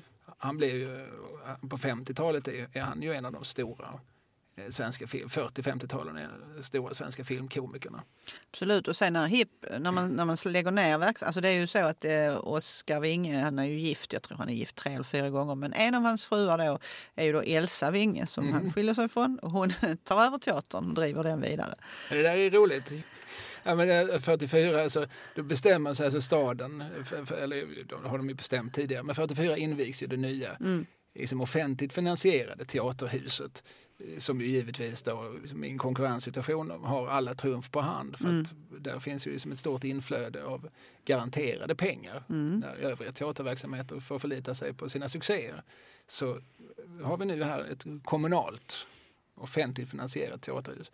Det förstår ju Oskar Winge att eh, ja, det kanske inte är alldeles lätt att konkurrera med dem. Så att, if you can't beat them, join them. Så att han blir ju då lyrisk chef på Stadsteatern. och så kan han vara lite chevaleresk sådär och säga till sin hustru, du kan ju ta över HIP. Mm. Du kan ju få det i skilsmässobot. Du kan ju ta hand om, du får mm. teatern, du får mm. allt. Mm. För att jag anar att han hade på känn att det inte skulle bära sig. Nej, och det, hon, så småningom gick hon ju i konkurs också. Mm. Men eh, faktiskt den sista föreställningen som, som gick på HIP eh, i, den, i den omgången så att säga. Det var eh, faktiskt Poppe som spelade Lorden från gränden. 1950 är vi på nu va? Ja, ja, hon höll den igång i fem, Mm, sex år. mm. The Grand är mest känd från, för melodin Vi kan dansa Lambeth Walk Det går bra på alla språk Hej, hopp, hurra Nu går det riktigt bra Hej! Ja, ja, den är från den filmen ja. Ja, eller från den musikalen. Ja, just det. Mm. Ja, den blev det film var. Mm. Ja, precis. Då heter den Greven från Gränden Mm, för då är den mm. helt försvenskad. Alltså med Poppe. Mm. Sen finns den förmodligen i liksom både brittiska och amerikanska filmversioner också. Eh, jag har nu glömt vad den heter i original. Va? Ja, Chockad, ja jag Kalle. ber om Har du glömt någonting? Men jag kan berätta att han som skrev den svenska texten till Lambeth Walk, som alltså rimmar walk på språk, det var Kardemumma, Jaha, ja såklart. Erik Zetterström. Mm. Ja, det är inte så klart för att han skrev mycket Kardemumma men han skrev inte särskilt mycket sångtexter. Nej. Så att, eh, det var ju tur för honom. att, eh, trots, att, trots att han inte gjorde så väl ifrån sig så blev den, blev det en hit som man förmodligen kunde plocka ut rätt mycket stim för genom åren. Ja, det kan man ju tänka sig. Mm. Ja, den där har man ju hört eh, genom tiderna. Du, där är en annan person som debuterar på HIP. Mm. Nu tänkte jag du ska få gissa vem detta är. Personen i fråga har själv berättat följande. Mina föräldrar var anställda som dansare på HIP så jag var alltid där om kvällarna. Jan Malmsjö. Ja, rätt. jag tillbringade mycket tid i artistfoajén där det fanns stora speglar och framför dem spelade jag teater för mig själv. Ja. Säger han då Why am I not surprised? och fortsätter. Och på den vägen är det. Och så var jag ofta i skådespelarnas loger, mest på vänstersidan där alla kvinnorna satt. Jag var ju så liten så det var ingen som brydde sig om att jag sprang där. Men jag fick bara spela där i 14 dagar. Skolmyndigheterna tyckte att jag var för ung för att stå på scenen på HIP varje kväll. Och så tyckte de inte om att jag hade en dräpande replik i föreställningen. Det var i en scen mot Josef Norman, en av de stora karaktärsskådespelarna på Hippodromteatern. Jag spelade en piccolo och han spelade hovmästare. Huvudrollen gjorde Inga-Lill Söderman. Och i en scen skällde hon ut oss och lämnade sedan scenen med repliken Fy fan sånt sällskap. Jag och Josef Norman stod kvar. Han skakade på huvudet och upprepade Fy fan sånt sällskap. Och gick ut från scenen han också. Och jag stod kvar där ensam och tittade efter dem och sedan utbrast jag Fy fan sånt sällskap. Publiken skrattade. Ja, det kan jag tänka mig. Hur gammal är Malmsjö nu? Ja, alltså? men han är ju sådär tio års ålder ja, kanske. ja, ja, men det är ju oerhört roligt. Ja, det är ju kul. Eh, Men det tyckte inte skolmyndigheterna. De tyckte inte att det var lämpligt för en tioåring. De förbjöd mig att spela med i föreställningen och en ballettflicka fick överta min roll. Mm. Mm. Och då är vi alltså på 40, när han född 34? Ja, det är väl så va? Mm. Så då är mitten på 40-talet någon gång. Ja. Mm. Mm. ja, den här perioden då, alltså när, när den nya teatern eh, finns parallellt med, med HIP, Mm. men som ju vars stjärna är i dalande Mm. i och med detta. Det, det, var, det var säkert så att den, eh, alltså alla, alla teatrar i USA har ju sina storhetsperioder. Men, men eh, det är klart att bygger man ett sånt prestigebygge och pumpar in väldigt mycket offentliga Ja. medel i det så är det väl klart att man, då får man liksom förstå att nu kommer ju väldigt mycket av de eh, som privata initiativen att, att gå på knäna. Mm. Och det var nog ingenting som bekymrade eh, faktiskt den, den sossemakt som bestämde. De har ju i alla tider haft lite grann det perspektivet att eh, det, den, den bästa kulturen är trots allt den vi, vi gör. Ja, jo. Och det är bäst att vi, att vi lägger det liksom, i vårt fögderi mm. så, så, så vi, Har koll på... vi vet vad de håller på Ja, med. precis. Ja. Ja, Ja. lite så faktiskt, även om, Mm. även om det är alltså sen de chefer och konstnärliga ledare som har funnits på Malmö stadsteater ju absolut och det tror jag alla kan vittna om att de har haft, de, de har inte haft liksom politiker som eh, suttit på deras axlar och tyckt si eller så. Mm. Eller har de haft det så har det funnits andra som inte tyckt så. Så de har nog ändå känt att de har stort eh, rörelseutrymme på det sättet. Mm. Men, men det är klart att det- jag tycker inte den diskussionen är helt okomplicerad hur, hur kultur ska finansieras. Om det- Nej, visst. Och vem som ska bestämma vad som är innehåll, eller vad innehållet ska vara så. Mm. Ja. Mm. Men Malmö stadsteater i alla fall, men det, ja, ja, det, det kan vi också prata om i, i, i tid och evighet. Men jag, jag tänkte vi skulle också nämna Södran Ja, som du också har gett ut en bok om. mm. som Bengt Liljenberg har skrivit. Ja, absolut. Eh, för att Södran är ju alltså den teater som, eller det det är ju flera teaterbyggnader som har kallats för Södran historiskt. Mm. Men eh, nu pratar vi om den som finns inne i Folkets hus. Precis. Vid Nobeltorget. Nya Folkets hus där, ja precis. Ja. Mm. Just det. Och den invigs parallellt lite grann va? Alltså det är också 40-talet. Ja, men precis. Och den är ju alldeles nybyggd då. eh, Alltså det är 1948, precis i början på året. Och visst är det så att den under en kort period är filialscen åt Malmö stadsteater? Det stämmer. Man spelar lite eh, om, vad heter det, Södran. I sin tur var en sån, där gick var ju mycket revyer och lättare skådespel. Liksom. Skrattvänligt. Så la ju Stadsteatern sina lite tyngre pjäser där på den scenen. Ja, just det. Så att det blev, ja, Kalifens son var ju den här man invigde med som den gick inte så bra. Man förstod inte riktigt vad det här skulle handla om. Nej, Folk, folk hittade inte riktigt dit kan man säga. men vi tar det från början. Alltså, Mm. Folkets hus står färdigt 48. Ja. Men redan innan det så fanns det en scen som heter Södran. Ja, men det fanns flera. Det har, det har funnits um, tre eller fyra teater som eh, först hette det var något som hette Folkan, alltså Folkteatern. Och då hade man ju tänkt kalla det här för Folkteatern, men då var det ju någon man då som blev jätteupprörd för han hade ju redan Folkteatern som låg på Vårgatan vid Värnhemstorget ungefär. Så han hade drivit den sedan 28 och den var ju jättepopulär. Det var ju massa människor som gick och tittade där. Bland annat Jan Malmsjös föräldrar, dansparet Fritzi, uppträdde mycket på den här folken. Så att då förstod man ju att nej, vi kan inte kalla det här på Folkets hus för, för Folkteatern. Utan då får vi kalla det för något annat. Nämligen Södra Teatern fick det då bli. Mm, Mm. mm. Men just begreppet Södran Ja. fanns, det hade också funnits teater. Mm. Jag, är inte, jag är inte fel på det när jag påstår Nej, nej, men precis. Det, men det fanns inte längre något som hette Södra Teatern då. Nej, okej. Nej. Eh, och, men är det, från allra första början, är det, är det Stadsteatern då? För Mm. hur går det här till? Alltså är det så att eh, man, man har satt igång två byggen utan att riktigt tänka på att aha just det, nu har vi en stor scen där som kan få konkurrera med den här scenen. Men eh, Folkets hus då, det är ju folkrörelsen, det är ju arbetarrörelsen som bygger det här och då har man den, bygger man redan den här teaterscenen och tänker sig. Och sen kommer Stadsteatern, för de behöver ytterligare en scen. Redan då alltså. Och så, så tycker man, ja men vi har en liten överenskommelse här om att eh, de dagar, det är bara vid vissa tidpunkter per vecka som de behöver låna scenen och då ska de spela sina. Ja, det går bra, då kostar det, ja, jag kommer inte ihåg mycket nu de betalade per föreställning, men de betalade de det till Folkets hus. Det är ju inte, de äger ju ingenting och de, de hyr in sig mer kan man säga. I några år är det så. Ja precis, det blir en ganska kort period. Ja. Men sen bestämmer sig Folkets husrörelsen för att det här ska vara en scen för lättsammare folkliga nöjen. Precis. Och då är det ju flera stora namn som faktiskt anmäler sitt intresse att, Mm. att driva det som, som revydirektörer. Nils Poppe bland annat. Va? Nils Poppe är det lite senare, var på 50-talet någon gång, men han, han, han är, driver den. Han driver den Han- till och ja, med? Det gör han. I några år där. Mm. Och jag vill också minnas att Gösta Bernhard som ju var en av Stockholms revykungar som drev Casinoteatern där Carl Gustaf Lindstedt och Gust Ahlström och så småningom så Anna Sundqvist och Siv Eriks och så stod. Jag tror att han också är i förhandlingar om att ta över den. Ja, ja. Nej, för Casinoteatern låg i de så kallade Klara-kvarteren på Bryggargatan i centrala Stockholm. Så den var ju, liksom, den var ju rivningshotad egentligen från första början. Mm, Och så småningom så jämnas den ju med marken. Och då, kom, då blir han hemlös. Och så småningom så tror jag han hittar ett hem på Lisebergsteatern i Göteborg under, under 60-talet. Mm.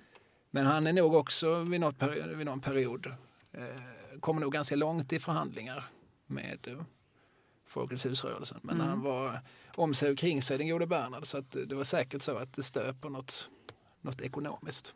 Ja, ja, ja. Det är det det handlar om. Ehm, det är också en, en skådespelare som heter Tor Modén Ja, som driver Södran tillsammans med Dubbel-Olle. ja, Dubbel-Olle. ja just det. Tor Ja. Modén är ju, han, han är ju om vi sa att Eva Persson och Nils Poppe var stora så var ju Tosse, som, som vi kallar honom, Tor Odert Folke Modén. Ett fantastiskt eh, mellannamn, Odert. Odert. Jag vet inte om det är aktivt längre men det fanns ett sällskap som hette Tofs. Tor Odert Folkesällskapet. som arrangerade Ja. olika eh, picknickar och eh, cigarrökningsaftnar och pilsnerfilmsvisningar. Dess eh, fantastiska eldsjäl till ledare, Lars-Olof Lindberg, grosshandlare Lindberg kallade. Han eh, rycktes lite för hastigt och olustigt ifrån oss för några år sedan. Så att jag tror att sällskapet kanske inte är så aktivt längre. Aha. Men det här är en Stockholmsföreteelse. Alltså. Men Tor Modén var här en ganska kort period. Han bodde i Limhamn, jag tror det var på Gustavsgatan, han hade en sån här stor elvarumsvilla. Mm. Och um, utgick härifrån, ja. Jag har ju också gett ut en bok um, för en del år sedan om clownen Mikko som ju var i Folkets park, som Birgitta Engfeldt skrev. Birgitta Engfeldt hon hette Modén som, i flicknamn och hon var Mm, vad kan hon nu ha varit? Och kan det ha varit brorsdotter till Tor? Någonting sånt Kan hon ha ja, varit. Ja. Eh, Så att eh, man hade ju en viss koppling här till, till Malmö. Ja, ja, och han var ju gift med Ulla Billqvists syster. Va? Jaha, Och, och systrarna Billqvist hade ju sina rötter i Eslöv. just det. Ja. Mm. Eh, ja, Mm, mm, mm. för att komplicera olika saker. Eh, hur, hur, hur som haver. Tor Modén alltså kä- känd från otaliga eh, 30-40-talsfilmer. Strålande tider, härliga tider. Ja. En, en man med en fryntlig rondör. Mm. Jag är en äkta mexikanare och jag är van att göra som jag vill, sjöng han ju i Pensionat Paradiset. en av höjdpunkterna från filmåret 1937 och en av de mest utskällda filmerna i svensk filmhistoria. Ja, det var, var den osedlig på något sätt? Va? Nej, det, Mm. man ansåg från eh, Parnassens håll att nu har svensk film nått sin absoluta botten. Ja. Det här, är, det här är för lågt, så här kan vi inte ha det. Så man kallar till ett stort folkligt möte på Konserthuset i Stockholm och så där. Där en massa skitförnäma herrar Mm. stod och öste smuts över den här sommarsoliga bagatellen. Mm. Där Lille Sino råkar få skokräm i ansiktet och Tor Modén klär ut sig till mexikanare och säger Buenos Aires som hälsningsfraser. Alltså en, Ja. en, en, en film utan större pretensioner om Ja, man säger ja, så. Det är där Lille Sina har den fantastiska repliken hon tittar i dagens tidning. Och det var rysligt så få döda det idag. Nåväl. Det var ett, en association. Mm. Ja, men, så Tosse är här och driver den. Ja. Och de två, de är, de är rätt skojiga ihop de här två. Ja, de, precis, de driver dem under ett antal år. Och eh, på, eh, program, på programbladets första, eller insidan där då, så presenterar de sig själv. Jag tänkte nästan det kunde vara roligt att och liksom bara, man kunde få en blick i hur det lät. Då skriver de så här, då är det först en bild på Tor Modén och sedan en bild på Dubbel-Olle, Olle Olsson. Eh, kära vänner och älskade väninnor. Naturligtvis vet ni redan att ni är välkomna till oss på Södran men eftersom en av oss är jurist så underlåter vi aldrig att lämna svart på vitt när vi vill intyga något. Alltså, hjärtligt välkommen glada trevliga publik. Känn er precis som borta och låt Påvels och den övriga ensemblens allmänna flugighet smitta er. Det är inte alls förbjudet att skratta högt och applådera våldsamt. För applåderna gäller dock en bestämd regel. Ni får bara applådera vid två tillfällen. Då ni tycker att ett nummer är bra och då ni inte tycker det. Iakttar ni detta blir vi mycket nöjda. Vi vill gärna avslöja för er att Evert Granholm och Naomi Brise tittat ut genom ridån. De kom tillbaka och sa att stiligare kvinnor och ståtligare män än de som satt i salongen ikväll hade de aldrig sett. Tor är jurist och Dubbel-Olle, född Olsson, har signerat detta. Just det, Dubbel-Olle Olsson han hade rötterna faktiskt i Lund. Mm. Eh, eller jag vet inte om han var född men han hade läst i Lund, legat i Lund och varit Lundaspexare. Mm. Och hade kvar eh, kontakterna där så att även en ung Hasse Alfredson skrev lite vitsar till Dubbel-Olles revyer. Ja, ja. Dubbel-Olle sa då nej det var ingenting att ha. Jaså? Och sen så nåddes eh, Hasse av ryktet att de ändå var med i föreställningen. Så att han Ah, hade, han stal hans eh, skämt. ja som varande jurist så hade han nog inte gått med på benämningen stöld. Nej. Han hade säkert hittat en, Mm. en annan finare beteckning för Mm. samma sak. Mm. Men jag tror han var lite ökänd för detta faktiskt. Att han, Mhm. var, hade, han var långfingrad när det gällde andras material. Mm. Ja, där ser man. Eh, Ja. Nåväl, och Dubbel-Olle var ju, han är, ju- honom är det ju ingen som pratar om eh, nu för tiden. Eh, såklart, men alla övriga namn vi nämnde här. Mm. Tor Modén, eh, Mm. han står ju staty i Kungsör där han hade sina rötter. Jaha. Och Povel som du nämner, han, Mm. han var här och gjorde gästspel. Mm. Flera gånger om, ja. Eh, Och det här begreppet flugighet är ju, eh, det var ju alltså 40-talets beteckning för sen börjar man kanske säga crazy, vilket man inte gjorde så mycket i andra länder. Så crazy var en väldigt svensk beteckning för mm. den sorts eh, liksom absurdistiska, parodiska, lekfulla humorstil som odlades på 50-talet i synnerhet av Povel men också av nämnda Gösta mm, Berner. Mm, Även av Pekka Langer, den ung Pekka Langer och så. Men det här begreppet flugighet är lite roligt för att det fanns en film som heter Hälsapoppen. Mm. En, en amerikansk oerhört knasig film. Alltså det är verkligen, när man, även när man tittar på den idag, man kanske inte skrattar så gott men, men den är liksom verkligen tokspäckad av infall. Mm. Det händer saker hela tiden det är väldigt mycket sådär att de pratar med publiken och att man ser någon i publiken, man ser liksom siluetten av någon i publiken som reser sig upp och går under föreställningen. Mm. Och, och liksom, kulisser rivs och djävulen dyker upp och, och det pangar och skjuter. Och, är som Bröderna Marx fast upphöjt till mm. tio på något vis. Mm. Carl Olsen hette den ena, det var, det var två, det var ett humorpar, Olsen och Johnson. Mm. Eh, och den filmen kom att på svenska av outgrundlig anledning heta Den galopperande flugan. Jaha. Vilket ger oss begreppet flugighet. Mm. Som var ett eh, verkligen ett modebegrepp på 40-talet för, för det som då var i görningen, det som sen blommar ut på 50-talet och blir Knäppa upp till exempel, mm. som, som debuterar 52. Eh, en ung Povel Ramel, han är alltså några år 20, han eh, eh, tar kontakt med eh, dåvarande underhållningsavdelningen på Radiotjänst, vilket i princip utgjordes av en man mm. som hette Per Martin Hamberg. Och så presenterar han en idé. Han och hans kamrater hade någonting som hette Föreningen för fånighetens främjande. Mm. Och det såg Per Martin Hamberg framför sig att det där med fånigheten det kommer att, det kommer att reta folk. Mm. Så då blev det då Föreningen för flygighetens främjande, mm. FFFF, mm. som var ett, ett av Povels första stökande i radio. Jag tror flug med till eh, Siam. Mm, en av hans, ja. Mm. Precis. Mm. Han, han, var ju enormt aktiv redan under hela 40-talet eh, innan han sen 1952, då är han alltså 30.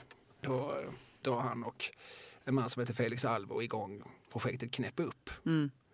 Som ju sen liksom äger 50-talet. Mm, det. Dels har Ideon-teatern i Stockholm, också riven sen under rivningarna.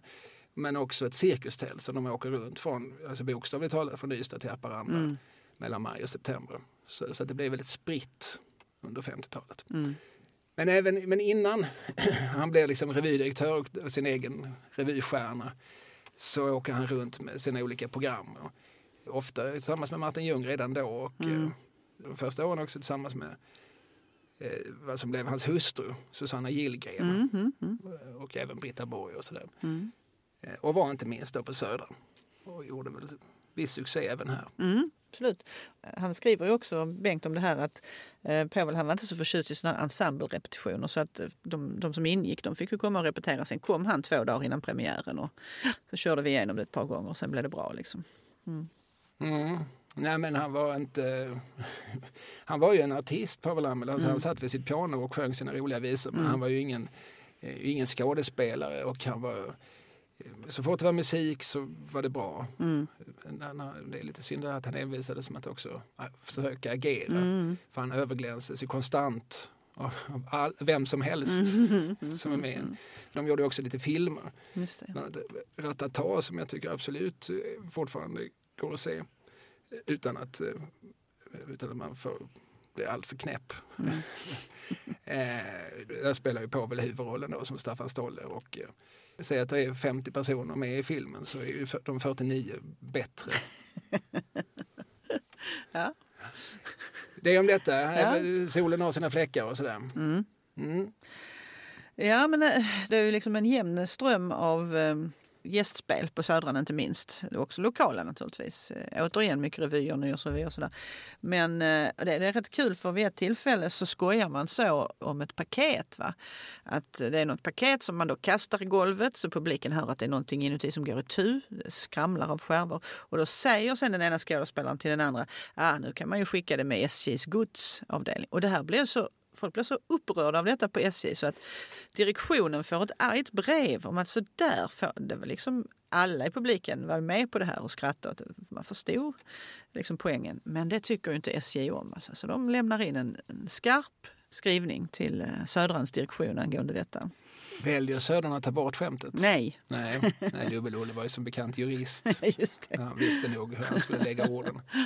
Ja. Ja, och hur länge finns Södran?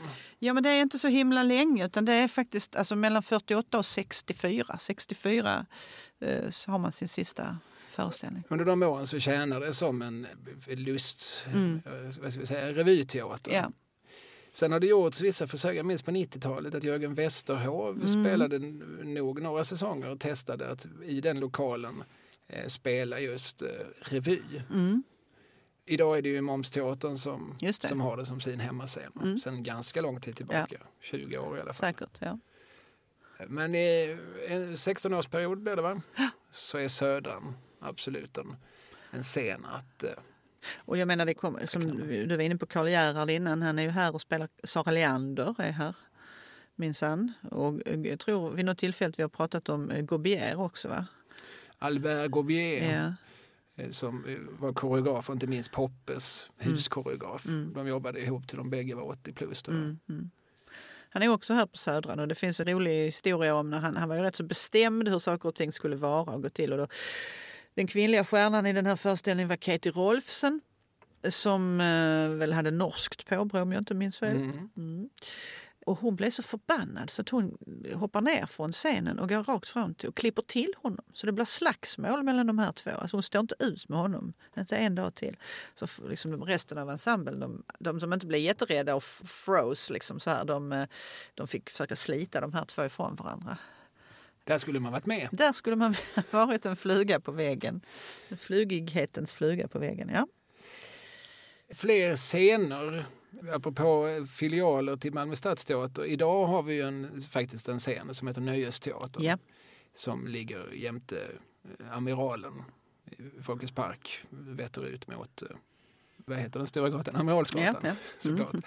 Eh, och som, det är Julius Malmström Mm. eh, som har varit nöjesentreprenör sedan tidigt 70-tal i Mm. den här regionen som är direktör för den idag. Mm. Men den var under en ganska lång period också en filial till Malmö Stadsteater. Ja, Nyan hette den då. Va? Nya. Ja. Det var tredje scen till Stadsteatern. Och, och där spelar man också, jag vet att jag har sett Marianne Mörk där i något, eh, det här i mitten på 80-talet, någon sån här step, Stepping Out hette det till exempel. Alltså de spelade lite mer, det var lite mer musikaler och Ja, och Poppe återkom dit också Ja då. och satte upp saker mm, på det gjorde han absolut.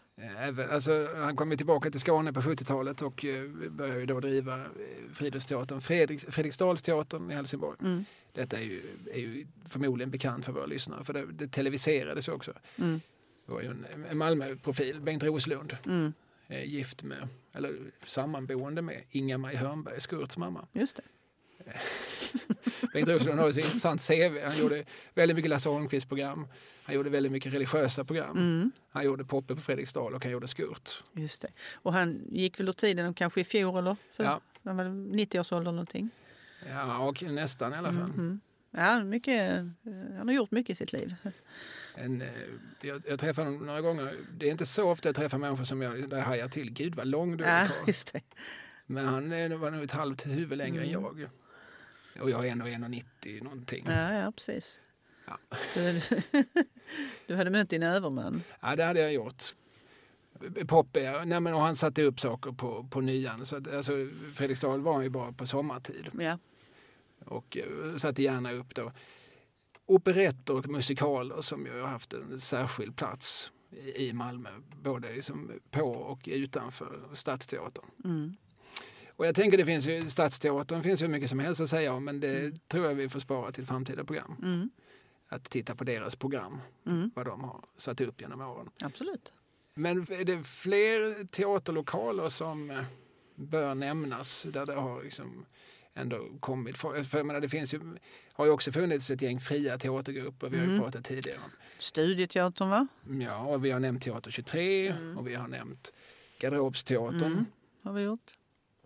Vi har nämnt eh, Tidningsteatern med Bröderna Mm. Segerström. Mm. Vi har nämnt Musikteatergruppen Oktober. Och, och ganska många av de här ställena, jag vet inte om de hade någon fast scen precis. Men det är lite roligt när du säger oktober för att eh, på Södran, när Södran inte längre var Södran men lokalen var ju densamma, så spelade man eh, Sven Klangs kvintett eh, när det begav sig, innan den då blev film alltså. Ja, Och när det- blev den film? 76? ja, Där någonstans? Där någonstans. Mm. Stellan Olsson heter regissören. Eh, nej, Musikteatergruppen Oktober, det är ju ett gäng människor de träffas på Dramateater Film i Lund. Det är Ninni Olsson och Henrik Holmberg och eh, Eva Remeus och eh, Anders Granström. Mm. Pappa till. Mm. Eh, Anders heter han väl, va? Eh, polisen i Två blå linjen? Han Nej, heter, han heter inte Anders. han heter Magnus i heter- serien. Han heter. Oskar Ja, i, det, i det privata. Just det. Eh, Men ja, vi knyter ihop olika säckar här. Eh, Nej, men de här och en femte kille som jag tror att är Jan Lindell kanske. De bildar en fri teatergrupp och eh, skriver den här pjäsen. Eh, Sven Klangs kvintett, det är väl Henrik Holmberg och eh, Nina Olsson som gör det.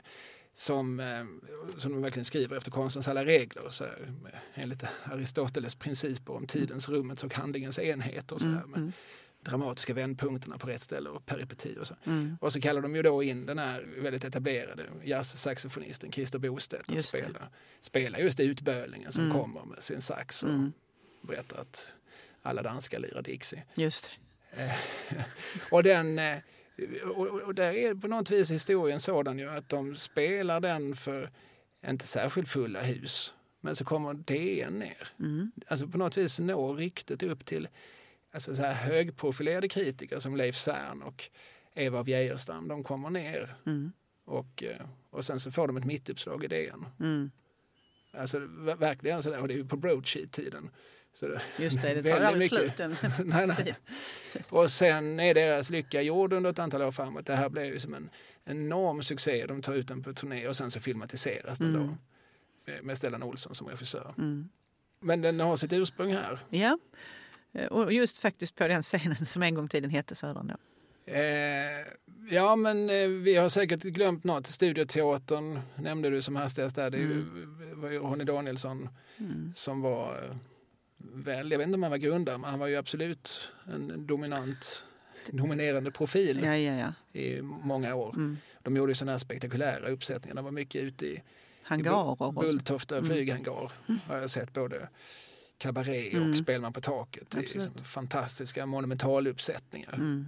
Det, det var ju ett hantverk han, han lärde sig då som han ju fortfarande skördar frukterna av. Fast nu då på Malmö Opera och även Mm. på, på stora scener i Stockholm. Och så. Jag tror han satte upp saker på Cirkus i Stockholm. Och så, Mm. liksom, så stora teaterhus, alltså fysiskt stora teaterhus. Mm. Han, han vet hur man fyller en scen, Verkligen. Ronny Danielsson. Mm. Men det lärde han sig här. Mm. Och eh, det är fortfarande här han främst praktiserade. Mm. Och, och Garderobsteatern har du nämnt några gånger med Kristina Claesson. Och, eh, Ja, och många med henne. Ystadgatan 22 höll de till på. Och de hade en, eh, en scen, en fast scen. Mm. För att jag tänker mig att de också gjorde mycket uppsökande verksamhet. Det gjorde de säkert också, men dit in. Jag vet att vi gick, jag hade ju en, eh, en eh, klassförståndare i gymnasiet som hette Erna Hammar, vilket artistnamn. Det är ett barnnamn. Ja, absolut. Hon var fantastisk. Vi, vi gick alltså under tre år på allt som spelades på Stadsteaterns olika scener och även på de fria te- teatrarna. Så rätt vad det var satt man på Ystadgatan 22 och såg på Fröken Julie en torsdag klockan 15.00 eller när de nu spelar för gymnasieungdomar. Så. Eh, jo, den, eh, där eh, spelades mycket också på deras scen alltså. Mm. Och så det har ju hänt saker här, eh, även i den här stan, på olika ställen. Och gör så alltjämt. Dock inte i den grad vi är vana vid på grund av välbekanta Ja, omständigheter. Eh, vi har gjort ett svep historiskt och eh, geografiskt så som vi brukar göra. Och, eh, vi har pratat en god stund så jag tänker att vi kanske ska säga tack och adjö. Ja, nu går ridån ner för denna gången då. Ja, precis. Och nästa vecka så har vi redan flaggat för att då ska vi prata rock. Uff. Där vi headbangade. Där vi dansade pogo. Ja, vad heter det? Dansa pogo. Vad är detta? Ja, det är sån här punkdans där man... Alltså skinheadsdans. Aha, Man kastar sig mot varandra Ja, liksom. en, en, en våldsam dans Mm. Självskadebeteende kallar jag det. har, har också en viss tendens att eh, ta lite uppmärksamhet från det som händer på scenen. Precis. Många som kanske köpte en dyr konsertbiljett, inte i första hand för att se några stora killar kasta sig mot varandra utan för att se ett band framföra sina låtar. Mm. Eh, men det pratar vi om nästa vecka, nu, eller om två veckor rättare sagt. Mm. I vanlig ordning så kan man både nu har jag glömt skriva upp swishnumret men eh, det kommer ni väl ihåg. Så det får ni, kolla, får ni lyssna på tidigare. Ah, här har vi det. Eh, man kan ju swisha per avsnitt om man så vill. Det gör man i så fall till 123 052 10 88. 123 052 10 88. Och då får man gärna skriva ADU så att vi vet varför vi får dessa pengar från ovan. Mm. Det kan man göra om man inte vill bli Patreon. För det Mm. kan man ju också bli såklart, precis Mm. som vanligt. Mm. Då går man in på patreon.com, letar upp ADU-podd i ett ord med två D. ADU-podd. Eh, Det är ju olika sätt att finansiera den här verksamheten eftersom ingen av oss har orkat gå ut och knacka dörr och skaffa sponsorer. Just det. Så om man är en sponsor så får man ju gärna höra av sig också. Ja, om, man, ja. om man känner sådär att man inte bara har 200 kronor utan kanske en halv miljon som bara ligger liksom och väntar på att kastas över detta. Vad är det vi gör? Vad är det vi sysslar med här? Kulturbevarande, Ja. Kulturupplysande. Mm. Ja. Jag kan lätt tänka mig att säga vilket varumärke som helst nästan för en halv miljon. Ja, Upprepade gånger i denna Ja. podd. Nej, det förstår för Vante. Men det är bra, då säger du det i så fall. Jag tar den för laget. Ja, det är bra. Ja, vi hörs om två veckor. Mm. Så har vi. Hej. Hej.